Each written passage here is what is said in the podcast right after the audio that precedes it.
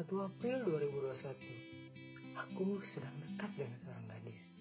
Berhijab, pipinya cabi, mukanya imut dan lucu. Bagaikan permen kapas pinggir jalan yang manis dan murah. Sudah 4 bulan aku PDKT dengannya.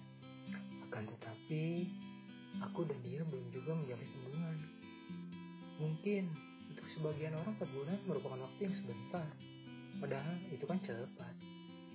Malam ini aku akan bertemu dengannya di salah satu kedai kopi yang terkenal di Bandung.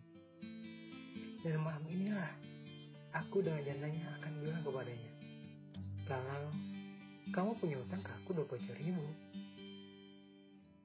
Pukul 7 malam, tibalah aku dan dia di sebuah kafe di pusat kota Bandung Parahyangan.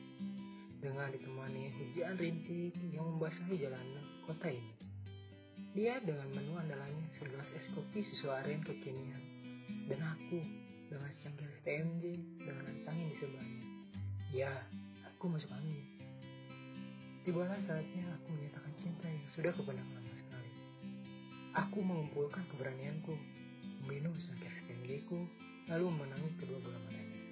Hai, kamu lihat nih pasangan di Nintendo 12. Mereka tertawa bahagia bagaikan kafein milik mereka berdua. Terlihat sangat mesra sekali. Aku pun mulai pegang tangannya dan mulai menyatakan perasaanku.